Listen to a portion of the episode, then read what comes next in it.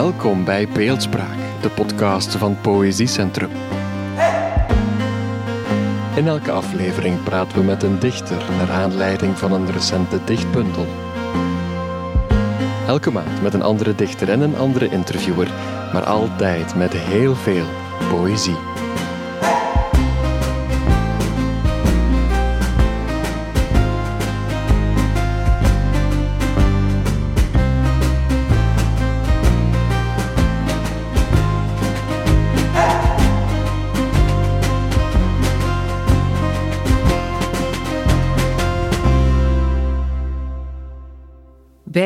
Zit vanmiddag Alicia Getschinska, filosofe en auteur.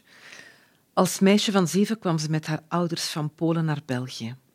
Schrijven doet ze in het Engels en het Nederlands. Het Engels voor filosofische geschriften, het Nederlands is voorbehouden voor het literaire werk dat bestaat uit proza, essays en dus ook, zo blijkt nu, poëzie. Zolang ik Alicia Getschinska volg en lees, vermoed ik dat ze poëzie schrijft. Toen ik het haar een paar jaar geleden vroeg, bevestigde ze. Op het dichterspodium van het Septemberfestival in Gaasbeek in 2019 las ze op mijn verzoek voor het eerst gedichten voor. Die maakte grote indruk en vind ik tot mijn vreugde nu ook terug in haar debuutbundel Trojaanse gedachten, die rond deze tijd verschijnt. Dag Alicia, welkom. Dag Sigrid en dank je voor de mooie inleiding. Je bundel opent veelbetekenend met een gedicht dat heet Na een lange stilte. En de openingsregel: Ik ben het dichten verleerd. Inderdaad, ja. Want poëzie is eigenlijk mijn eerste grote liefde geweest. Mijn eerste grote literaire liefde geweest. Poëzie was altijd daar. Ik denk dat ik door de poëzie heb leren houden van de taal, van alle talen en van de Nederlandse taal in het bijzonder. En ik vond gedichten van buiten leren voordragen als tiener iets heel prettig en het deed me thuis voelen. Ehm, en dan heb ik ook de eerste pogingen ondernomen om te schrijven.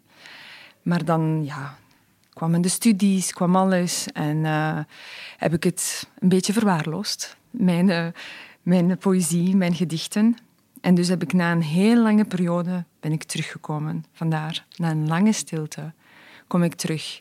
En het is ook wel zo, als je na een lange periode terug begint te dichten, dat je terug in, in, in die kokon van die intimiteit van schrijven en woorden zoeken moet komen. En ik had ook het gevoel van, kan ik het nog? Of ben ik het verleerd? En eenmaal dat je eraan begint, dan voel je dat je daar als een precies olie op doet, op, op de machine. En dat begint beter en beter te gaan. En voor je het weet, droom je van woorden en komen ze uh, bij jou en willen ze geschreven worden. Ik stel voor dat je het eens voorleest, zodat we horen hoe jouw gedicht er precies uh, klinkt. Na een lange stilte. Ik ben het dichten verleerd, vervreemd van de taal die ik ben, een banneling van mijn gedachten. Ik zet me aan de woorden om mezelf weer op te eisen, overlevingsdrang die haar wonden likt. Ik schrijf niet, maar boetseer mezelf weer tot een vorm waarin ik me herkennen kan. Een vrouw van klei is meer dan zij die vergeten is waaruit ze ooit was opgebouwd. Mijn handen zijn al ruw, nog voor ik aanvang heb genomen in de zinsbouw van mijn gebeeldhouwd zijn. Ooit giet ik mezelf weer in zinnen van brons en zilver en ben ik, van mezelf verstoten, thuis. Je was vergeten waaruit je ooit was opgebouwd, schrijf je. Dus dat, dat klinkt als een identiteitsverlies, waarbij ik me dan de vraag stel, hoe kwam dat tot stand? Ja, identiteit is, is, uh, is deels een construct die wij moeten realiseren in ons leven. Wij maken onszelf deels tot de mensen die we zijn. We worden gemaakt, maar we maken onszelf ook. En we maken onszelf ook, of in mijn geval ervaar ik dat heel sterk door taal. Als schrijvend kom ik tot leven en breng ik mezelf ook tot leven. En zoals ik daarnet zei, poëzie was zo de eerste liefde. En ik heb dan beseft, het is via de taal dat ik ontsta, dat ik besta, dat ik ook wil leven. En ook de taal is ook een instrument waarin we denken. We denken in taal. Niet enkel in taal, denk ik, maar toch hoofdzakelijk in taal. En dus is die taal ook belangrijk. Hoe rijker uw taal, hoe rijker uw leefwereld in uw hoofd, hoe meer dat je jezelf kunt kleur geven aan uw identiteit en vormgeven. Um, en dat is eigenlijk ook een blijvende fascinatie geweest, ook als denker, als filosoof, hoe dat wij ons verhouden naar de gedachten die we hebben. En hoe dat ons denken ons vormt. En dan lijkt me dat de poëtische taal de meest intieme is, die het dichtst bij, je, bij jezelf staat. Uh, je hebt daar uh, voor het Nederlands gekozen, niet voor je moedertaal. Uh, Dat zou ik ook niet kunnen. Mm. Ik zou geen poëzie kunnen schrijven, of toch geen goede poëzie kunnen schrijven in het Pools op dit moment. Um, omdat ik, dat ben ik ook verleerd, om op het hoogste niveau met de Poolse taal bezig te zijn. Uh, dat is nu in het Nederlands wel het geval. Um, ja, dus ik zou het niet, niet, niet kunnen, maar het is zeker een vorm van intimiteit. Uzelf zoeken in taal, zoeken naar woorden om iets uit te drukken wat je voelt, wat je denkt. Um, en ik denk dat het tot nu toe, dat durf ik wel zeggen, het meest intieme, mijn meest intieme publicatie is. Ja, je voelt inderdaad een hele zoekende zelf, hè, die zegt: uh, ik, ik woon in een niemandsland. Er is die tobbende aarde, die is toekomstmoe. Hè, dus je, er zit een, een, een bepaalde. ja, um, op jezelf teruggeplooid zijn in en, en een zeer zoekende houding naar hoe in de wereld staan, in de verschillende uh, cycli uh, van de gedichten, hè, die, die vaak een, een, bepaalde zwaarmoedigheid ehm, toch wel naar boven laten komen. Ja, dat is, het is zeker een, ehm, ja, het zijn zwaarmoedige gedichten, maar ik probeer misschien de rauwste zaken te beschrijven in een niet in een, in een positieve taal, maar ja, zoals ik een gedicht heb, een sprookje. Uh, maar dat sprookje is helemaal niet zo uh, lieflijk. Want het gaat over hoe je beseft dat, dat, je, dat je nietig bent en dat je doodgaat. En dat misschien dood iets is wat dat, ja, staat ons allemaal te wachten. Um, maar dat je dichter bij de dood staat dan. dan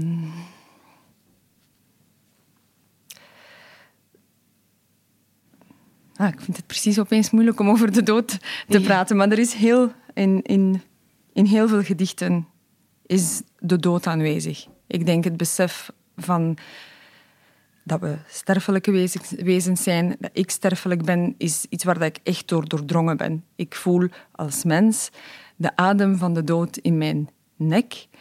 En dat is in de gedichten voor het eerst naar buiten gekomen.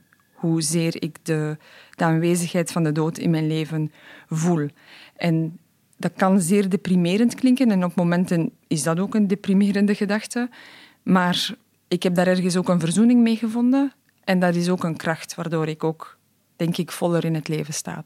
Net door dat besef dat de dood ook zo nabij is. Ja, de dood eh, doet je inderdaad heel bewust leven. Hè? Want dat, uh, uh, dat, dat komt ook uh, naar boven in, in de poëzie. je schrijft ook in, in dat bewuste gedicht, gedicht Sprookje, de tijd kun je niet achterwaarts leven. Ehm, zou je dat willen, de tijd achterwaarts leven? Nee, ik zou dat zeker niet willen. Um, maar ik denk dat we, we, vaak denken dat we heel veel tijd voor ons hebben, um, dat we nog heel veel leven uh, voor de boeg hebben. Um, en eigenlijk, zelfs al zou het zo zijn dat ik misschien nog 40 jaar kan blijven schrijven, dan is de dag van vandaag, als die voorbij is, is die ook voorgoed voorbij. De energie die ik vandaag heb, gaat voorbij. Wat ik vandaag te zeggen heb, dat ik zal misschien binnen vijf jaar, binnen tien jaar andere dingen kunnen zeggen. Maar wat ik nu te zeggen heb, moet ik nu zeggen. Want als het moment voorbij is, is het voorbij. Ehm, dus ook, dat is ook iets waar dat ik van doordrongen ben. Ehm, dat je het leven niet kan uitstellen. Je kan een goede daad niet uitstellen, je kan het leven niet uitstellen. En je gaat dat leven ook niet achterwaarts kunnen leven. Dus het gaat enkel vooruit.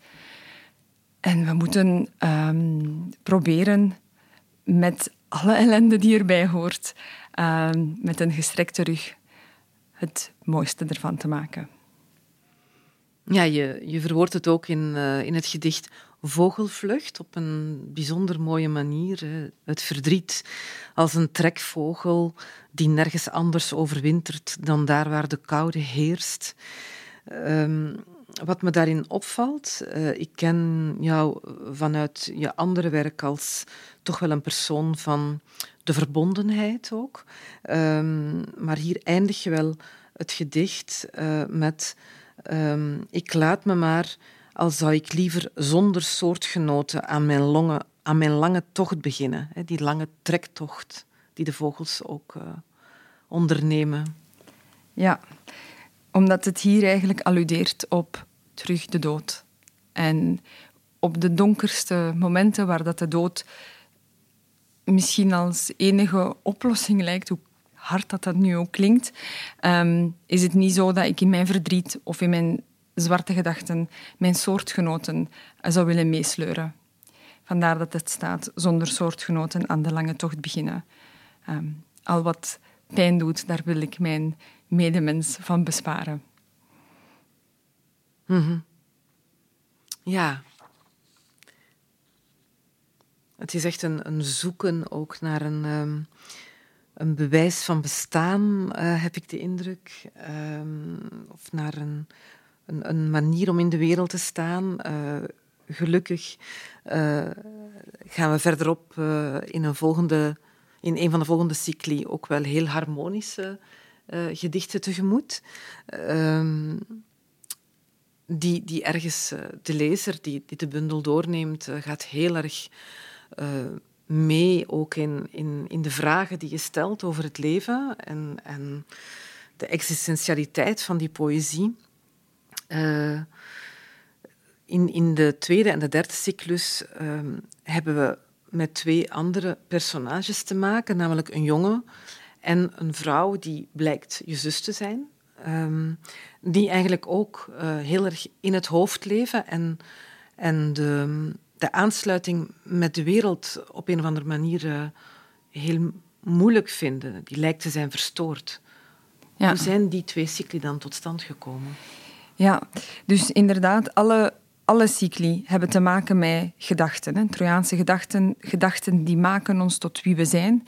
En dat kan heel positief zijn, maar die gedachten kunnen ook negatief zijn. Uh, het beeld dat wij hebben van onszelf, uh, alles wat we denken over onszelf, uh, bestaat eh, uit gedachten. En, en, um, en dus veel van de cycli zijn betrokken op mijn eigen persoonlijke gedachten en mijn worsteling met met het leven, uh, met het zijn, met je aanvaard voelen, met wie dat je bent. En twee van de cycli uh, ze gaan volledig over twee andere personen. De ene is over mijn zoon, de jongen die moet, die het heel zwaar had op een gegeven moment, um, ongelukkig was. Uh, wat hartverscheurend is om een kind van toen zeven jaar te zien worstelen met de omgeving, met zichzelf, die ook vragen stelde, die eigenlijk zijn leeftijd overstegen. En, en ja, dat waren zeer zware vragen. En hij blokkeerde daardoor en, en, hij, had het moeilijk. Um, en hij had hulp nodig. En kort daarna werd mijn zus ziek. Um, zij kreeg onverwachts een, um, een zeer zware psychose. En dat waren ook de gedachten die in haar hoofd zaten, die waanvoorstellingen en alles wat ze opeens ja, dacht dat de werkelijkheid was en wie dat zij was en wie dat anderen waren, was volledig verstoord. En dat bracht mij terug tot de essentie van de bundel, hoe dat gedachten ons maken en kraken. En in, uh, in de cyclus Zyprexa-dagen, dat over mijn zus gaan, zie je hoe de gedachten eigenlijk verkeerde gedachten of haar waangedachten haar volledig haar identiteit hebben omgevormd en ook de grond onder haar voeten hebben weggeveegd. En tegelijkertijd ook mij terug hebben geconfronteerd met mijn gedachten. En hoe weet je dat mijn gedachte gezond is? Wat is nu een gezonde gedachte? Ehm, wat mag je nog denken? Wat kan je niet denken? wanneer wordt een gedachte gevaarlijk om gedacht te worden? Ehm, dus ja, daar cirkel ik om. En ik worstel daar nog tot op vandaag mee met die gedachten en hoe dat gedachten ons maken en of wij kiezen welke gedachten wij denken. Ehm, ik denk dat we heel vaak, ehm, als we er niet bij stilstaan, denken dat wij echt heer en meester zijn over ons koppetje, over de gedachten die we hebben. Maar dat zijn we helemaal niet. Wij, wij, wij, voor onze identiteit hangen we af van de dingen die wij ons herinneren over onszelf. En we kiezen onze herinneringen niet. We vergeten zoveel dierbare dingen die we zouden willen herinneren. En we vergeten zoveel um, dingen die we zouden willen weten. En dan onthouden we dingen die we denken van ah, waarom staat je daar nu bestil? Waarom kwelt men dat nu? Laat het nu toch los. Of mensen die s'nachts wakker worden en opeens denken aan weet ik veel, mails of een opmerking van een collega. Die denken ook misschien van ah, laat het los, laat het los. En toch is die gedachte er. Denk mij. Of je denkt het toch. En, en uh, eenmaal dat je dan begin door te denken van, denk ik mijn gedachten of denken mijn gedachten mij en hoe maken ze mij tot de persoon die ik ben? En mochten wij zo heer en meester over ons gedachten zijn, ja, dan was die psychose van mijn zus direct, ja, dan niemand kiest ervoor om in een waan mee te gaan of te geloven. Dus die worsteling met gedachten is in, uh, in die beide cycli, denk ik, het, uh, uh, komt het meest naar voren. Ja, je neemt ons echt mee. Uh, we raken zelf verstrengeld uh, als lezer in die verhouding uh, tussen de binnen- en de buitenwereld. En de vraag naar wat gedachten inderdaad met ons doen. en tegelijk stelde ik mij de vraag, ja, je staat bekend als een intellectuele vrouw hè, en, en toch gaan de gedachten ook, ook met jou als intellectuele vrouw op de loop.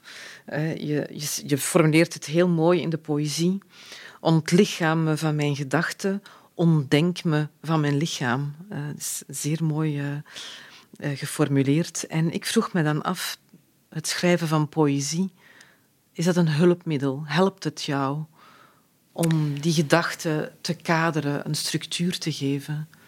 Alles schrijven helpt mij. Of het nu filosofie is of um, proza of dichten, gedichten ik weet pas echt wat ik denk als ik het op papier kan schrijven. Um, anders voelt het aan als chaos. Of ik denk dingen te begrijpen en op een abstract niveau.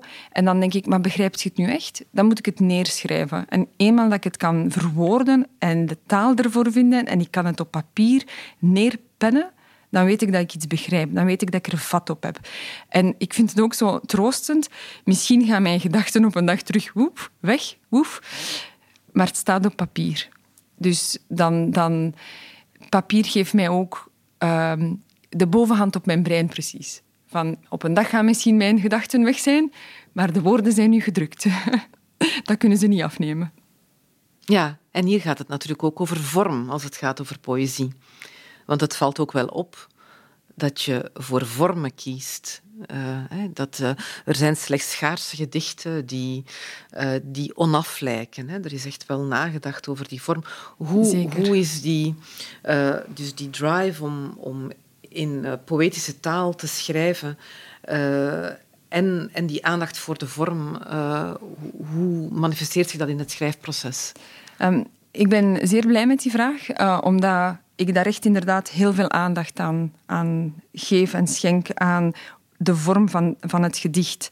Um, en ik denk dat het ook uh, in eerste plaats voor, doorkomt door, door de liefde van andere gedichten die ook heel veel aandacht in vorm hebben gestoken. Ik, ik, uh, in de Vlaamse taalgebied, Paul Snoek schenkte ook heel veel aandacht aan vorm. Uh, maar ook Czesław Miłosz, een Poolse dichter, die kon ook heel zichzelf de vorm opleggen en daar zeer trouw aan zijn en proberen iets te zeggen in een vorm. En uh, ik kan dingen zeggen zonder vorm en mooie dingen zeggen zonder vorm. Maar ik vind het ook een uitdaging om te zeggen van oké, er zit al een zekere vorm in. Um, onderbewust zat er al een vorm in. En nu ga ik die vorm nog meer kneden. Het is precies of je al een mooie steen hebt gevonden En je denkt, oh, dat is een mooie steen. Als ik die een beetje bijslijp, heb ik een heel mooie vorm. Heb ik iets nog heel mooier, veel mooier.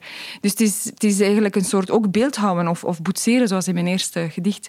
Ehm, vergelijk ik van met, kleiwerken, uh, uh, gedichten maken. En zo voelt het aan. Het voelt als boetseren met woorden. Je hebt al iets mooi, je hebt ruw, mooi materiaal. En dan ga je het nog verfijnen, polijsten. Kijken wat is, hoe kan ik het op het mooiste manier zeggen. Dus de vorm voelt nooit als een corset aan van oh nee, nu moet ik het in drie zinnen of viermaal drie of wat dan ook. Um, meestal heeft die vorm zich al ergens geopenbaard in de eerste ruwe versie.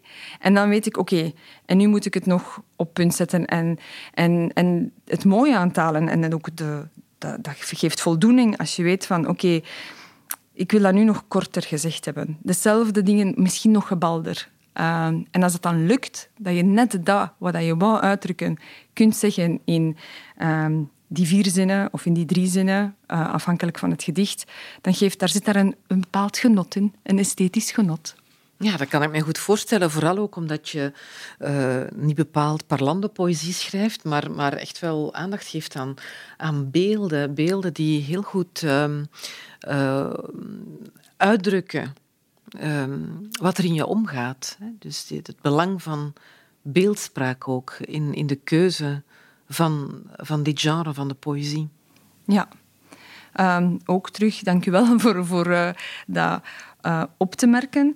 Um, want dat is ook de, ja, terug het deel van het schrijfproces, is het zoeken van hoe kan ik het er onrechtstreeks zeggen, maar ook niet op zo'n manier zeggen dat niemand mij meer begrijpt. Ik wil niet schrijven enkel voor mezelf. Je wilt ergens iets overbrengen. Je wilt een contact met, met, uh, met de lezer.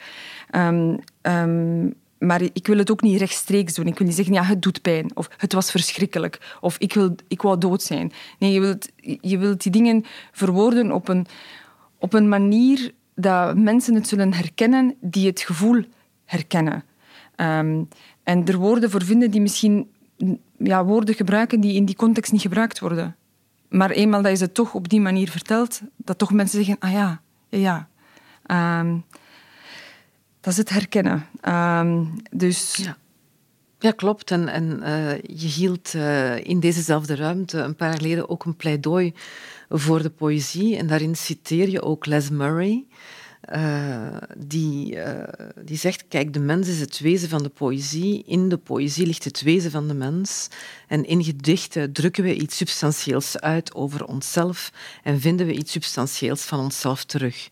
Dus met deze bundel hebben wij ook echt het gevoel een, een substantieel, diep zijn van Alicia Getchinska te ontmoeten en die dat ook met ons als lezer deelt.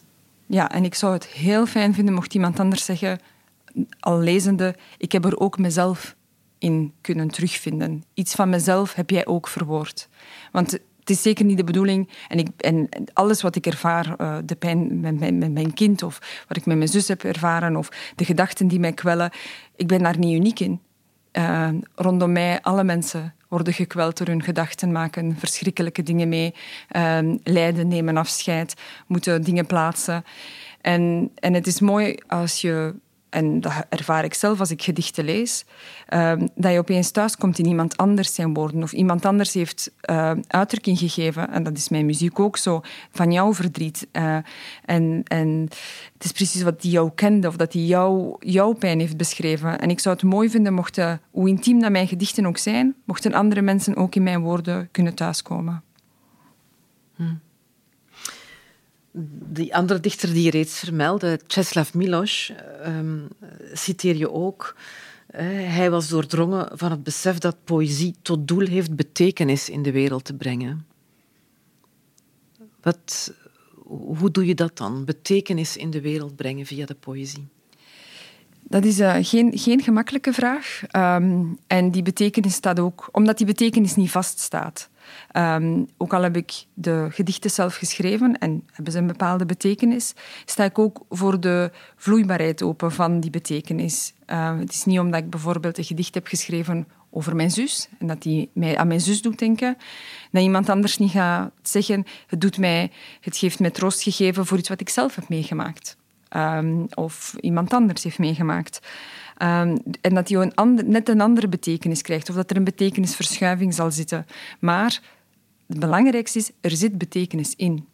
Um, en dat ze niet zomaar ja, divers zijn of ter, ter, voor het amusement. En ik, ik, heb geen probleem als, als mensen schrijven voor vertier en plezier en het amusement. Dat mag er ook zeker zijn. Maar deze gedichten zijn geschreven om mensen die graag op de pauzeknop knop duwen en even willen reflecteren over wat hen overkomen is, waarom, waarom dat ze hier zijn. De grote vraag, moeder, waarom leven we? Wat doen we hier? Um, en heeft dat lijden zin? Um, als je die momenten hebt van bezinning um, en je zoekt naar antwoorden en je, je, je worstelt met zaken, dan kan je van alles lezen, romans, de Bijbel, sommigen, maar ook poëzie. En dat is wat mij betekenis geeft poëzie lezen, waar ik troost uit haal. Het is geen, geen, niet gratuit of niet zomaar dingetjes. Ehm, en ik zou het... Ik denk dat ik dat de mooiste ergens compliment zou vinden of het voorrecht dat je in iemand zijn hoofd gaat, in iemand zijn hem een compagnon de route wordt van, van zijn worstelingen en zijn lijden en die proberen hopelijk te verzachten.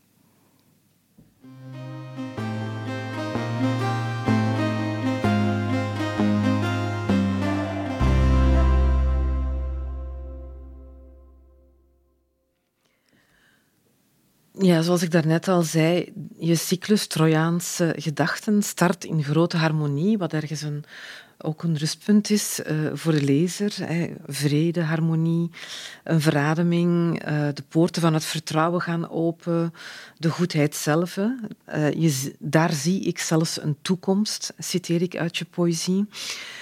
Uh, iemand anders willen zijn komt zelfs niet in me op. Hè. Wie ben ik en wie wil ik zijn? Maar dan komen toch de vragen weer opzetten en de gedachten die je besluipen. En stelt zich ook de vraag naar afkomst. Waar kom je werkelijk vandaan? En het viel mij op in je biografie, die je zelf uh, ook zo formuleert op je website, dat je dat ook heel bewust uh, um, opneemt. Je verhuizing als kind toen je zeven jaar was. Um, dus de, de vraag die ik hier stel is een existentiële vraag van eh, de worsteling met uh, in deze wereld zijn en de vraag naar waar kom ik vandaan. Uh, denk je dat die zo diep zit omwille van die ruptuur en die verhuizing op jonge leeftijd? Zeker, zeker. Um, het is ook de vraag die ik als kind het vaakst heb gehoord in België van waar kom je vandaan? Een zeer onschuldige vraag. Waar kom je vandaan? Waar komen je ouders vandaan? En waarom ben je hier? Maar als je die vraag even laat bezinken en dan die nog eens herhaalt, s'nachts in je bed, waar kom ik vandaan? Waarom ben ik hier? Ja, waarom ben ik hier eigenlijk? En waarom ben ik hier? En waar kom ik nu werkelijk vandaan? En ja, dat zijn eigenlijk verpletterende vragen voor een kind van zeven, acht. En die vragen hebben mij altijd blijven achtervolgen. Bijna spoken. Van waar kom ik vandaan? En ook de vraag, waar moet ik heen? Waar moet ik heen met dat leven? Wat moet ik daar met dat leven doen? Uh, wat is meer geschonken? Is het wel een geschenk? Um, dus dat zijn vragen die, die zeer onschuldig zijn begonnen. En dat is ook het thema van, van het gedicht Trojaanse gedachten. Um, gedachten kunnen zeer onschuldig zijn, kunnen zeer fijn zijn. Verliefdheid kan zeer fijn zijn. De gedachte, waar kom je vandaan? Wat ga je doen nu? Dat kunnen heel vrolijke gedachten zijn en vragen. Um, maar die dingen kunnen ook beginnen wegen. En gedachten kunnen beginnen wegen. En die kunnen zich om een uur tegen jou keren. Vandaar Trojaanse gedachten. We laten gedachten binnen, in alle vertrouwen. De poorten van vertrouwen zijn open. Net als het paard van Troje werd naar binnen getrokken. Geschenk, fantastisch. Tot als het paard binnen was, de nacht valt. En het buik van de paard scheurt open. De soldaten springen naar buiten en vallen nu aan. En dat is ook wat met gedachten kan gebeuren. Je laat dingen binnen, onschuldig. Het plant een zaadje in je hoofd. En dat kan zich tegen jou keren. En dan, dan vallen die gedachten jou van binnenuit aan. En dat kan ja, bijvoorbeeld, hè, heb je zelf lief? Uiteraard is het belangrijk jezelf lief te hebben. Tegen jezelf, jezelf zeggen, ik ben het waard. Uh, tegen jezelf af en toe zeggen, je ziet er goed uit. Maar ook zulke, zulke onschuldige gedachten, als het te veel wordt, kun je misschien een narcist worden. en, uh, of, of andere gedachten. Het is goed dat je zelf kritisch bent, dat je zegt tegen jezelf, dit is niet goed, ik kan beter. Maar als die gedachten om een uur u beginnen kwellen van, ik kan beter, het is nooit goed genoeg, het is nooit goed genoeg wat je doet, dan gaat gewoon een uur ja, jezelf kwellen met iets wat dat zo onschuldig begon. En ook dat wij zo, ook soms niet weten welke gedachten ons zullen kwellen. We kunnen niet voorspellen welke gedachte ons gaat kwellen. En dan, ja, dat heeft ook met de ervaring met mijn zus te maken en met mijn zoontje. Um, hoe dat, ja, bijvoorbeeld in mijn zus haar waan, hoe dat ze de werkelijkheid vervormde en opeens dingen uit het nieuws nam en dingen uit de werkelijkheid en dat dan vervormde in haar waan en, en, en daar totaal iets anders van maakte. En opeens waren, was iedereen haar vijand. En, en dingen van, van film en dit en dat gesmolten tot een nieuw monster um, in uw hoofd. Um, vandaar, ja, um, Trojaanse gedachten. Uh, het is een overkoepelend voor alles, maar in, in, uh, in dat ene gedicht of cyclus van, van vijf begint het allemaal heel lief en goed en eindigt het met uh, de gedachte dat je misschien er beter niet meer zou zijn. Want ook zelfmoordgedachten zijn gedachten. Ja, die duiken inderdaad ook wel af en toe op in de bundel op, op, een, op, een, ja, op, op een mooie manier ergens. Uh, ook niet, niet heel expliciet, maar, maar uh, ze zijn er wel. dus we, we, gaan, we gaan echt wel mee in, in die worsteling met die, in die vraag naar de zin van het leven en waarom we hier zijn. Maar tegelijk um, stel je bovendien ook nog breder de vraag, die je ook nog eens op je schouders uh, torst. Waar moet het met de mensheid heen? Dat is nog een grotere vraag dan. Waar, Zeker. Moet het, waar moet het met mijzelf heen? Maar niet, waar moet het met de hele mensheid heen? Dan denk ik van, oh, um, rustig. ja. Zeker, want je kan jezelf niet afsnijden van, van uh, de context, van de wereld waarin je leeft. Dus je gedachten ontstaan daar ook in, je, je identiteit ontstaat daarin. En, en het is zeker geen uh, uh, ook al heb je die persoonlijke gedachten, um, die verhouden zich altijd naar je medemens en naar de grotere wereld. En we zien dat ook, dat mensen ook kunnen gedeprimeerd geraken van de toestand van de wereld. Denk maar aan de klimaat, aan de vluchtelingencrisis. Dat kan zo zwaar op ons drukken. Uh, dat kan drukken in een soort schuldgevoel van waarom is het ja, waarom leven wij wel in, het, in de westerse wereld en en hebben wij de luxe dat we niet in tenten en kampen moeten wonen. Um, uh, wat, is mijn bijdrage in de klimaatsverandering? Hoe kan ik nog anders leven? En je voelt je verantwoordelijk. En, en die gedachten kunnen ook zodanig verpletteren. En ik vind ook dat wij en dat is misschien een zwaar woord, maar ik vind ergens dat wij ook de plicht hebben om te denken over aarde, de wereld, de anderen rondom ons heen. En dus ik vind dat zelfs zeer belangrijk. En als filosoof roep ik daar impliciet en expliciet naar op van de mensen. Hé, hey, je kunt niet voor jezelf leven. Je moet ook iets doen voor je medemens, voor de ander. Maar ook dat merkt je dat mensen dat verpletterend vinden. Dat ze zoiets van, oh, wow, wow, ik kan hier niet de wereld op mijn schouders nemen. Ik kan niet uh, over alles nadenken. En dat is ook zo. En dat is ook heel moeilijk om de balans te vinden. Hoeveel van die wereld kun je in jezelf opnemen zonder dat je eronder doorgaat? En ik heb daar ook geen antwoord op. En, en ik ben die dingen ook aan het aftasten, al zoekend. En ik merk ook dat ik soms huil door de toestand van de wereld. Of dat ik niet kan slapen doordat in mijn tuin zo weinig insecten waren deze zomer. In, in, en dat ik de bijen niet meer hoorde. Um, en dat ik het akelig vond. En dat, die gedachte, dat, die, dat, besef um, mij ongelukkig maakte, onrustig maakte. De toestand van de wereld mij ongelukkig maakte. Dus ik kon niet een bundel schrijven over gedachten zonder dat ik ook ergens die buitenwereld en het grotere plaatje heb. En de grotere vraag van hoe moet het met de mensheid? Waar moet die mensheid heen? En uh, ons dat we ons daar, daar, daar naartoe verhouden. En dat ook onze bekommernis om die wereld, hoe belangrijk dat die ook is, ons ook vaak verplettert. Zou je even het gedicht Zin willen lezen? Zeker. Ik heb geleerd, maar niet hoe te ademen, niet hoe te stappen zonder omkijken, niet hoe te vallen naar de toekomst toe. Ik heb vergeten, maar niet hoe de bergen huilen en achter die bergen de mensen die treuren in tenten van kermende dromen. Ik heb geluisterd naar de kleuren van de wolken en gezien hoe in de snikkende wind de hoop klinkt die naar mensen snakt. Ik heb gehoord hoe de aarde haar eigen elegie schreef in kolkende rivieren, brandende bossen en in het zwijgen van de bijen in mijn tuin. Ik heb verdrongen wat ik nooit heb kunnen achterhalen. Of een zachte zin meer van het leven maken kan dan de ongelukkige kunst van het zijn.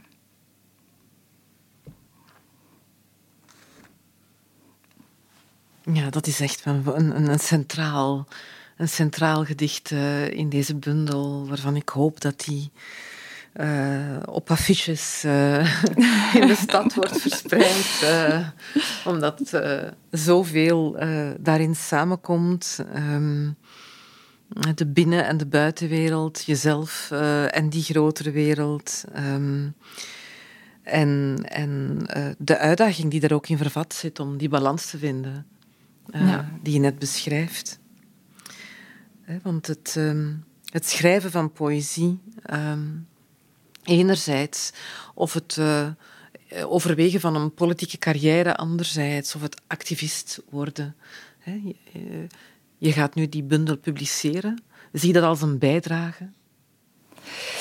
Ik zou dat graag zo zien. Um, want dan mocht het een bijdrage, echte bijdrage zijn, dan heeft het ergens een impact gemaakt. Is het gelezen geweest? En dat zou mij... Um, dat zou heel veel voor mij betekenen. Uh, maar in alle bescheidenheid um, moet ik ook toegeven dat ik niet direct dat ik niet, niet het gevoel heb van oh, ik schrijf poëzie, dus ik ben hier de wereld aan het verbeteren. Ook al hebben heel veel dichters mijn leven gered, en op zich vind ik dat zij wel wereldverbeteraars waren, vind ik moeilijk om naar mezelf zo te kijken en mijn schouderklopje te geven van oh, heb je gedicht geschreven, nu ben je een wereldverbeteraar. Ik denk altijd, ik moet meer doen, ik moet nog meer doen, ik moet echt iets nog meer doen voor de wereld. Um, maar ik denk uit het uh, gedicht zien, de laatste, de laatste zin daarvan, um, vat het, vat het uh, ook een beetje samen van dat het leven een ongelukkige kunst is van het zijn. Um, dat ongelukkig zijn um, altijd deel uitmaakt van het leven, ook van een gelukkig leven. Ik denk dat dat eigenlijk het, de voorwaarde is van een gelukkig leven. Het ongelukkig zijn, de pijn en het verdriet, daarmee kunnen omgaan. Dat kunnen omarmen, dat kunnen ergens een plaats geven. Ja, dat vind ik wel een, uh, een mooie uh, slotgedachte uh, van dit gesprek. Dat uh, toch heel wezenlijk is geweest. Uh, dit gesprek over jou en je bundel. Nog één laatste vraag. Je hebt nu voor het eerst over poëzie gesproken. En hoe was dat om over poëzie te spreken? Niet gemakkelijk. Um, omdat je niet kan zonder poëzie spreken, zonder terug jezelf ergens uit te kleden. Zo voelt het aan. Um, en het is altijd onwennig om naakt te zijn of je naakt te voelen. Maar het is misschien ook een pure vorm van leven. En ik heb het nog nooit gedaan, maar naar het schijnt is naakt zwemmen heerlijk. En zo voelt ook uh, dit gesprek. Dankjewel voor je generositeit, Alicia Getschinska. Dank je, Sigrid.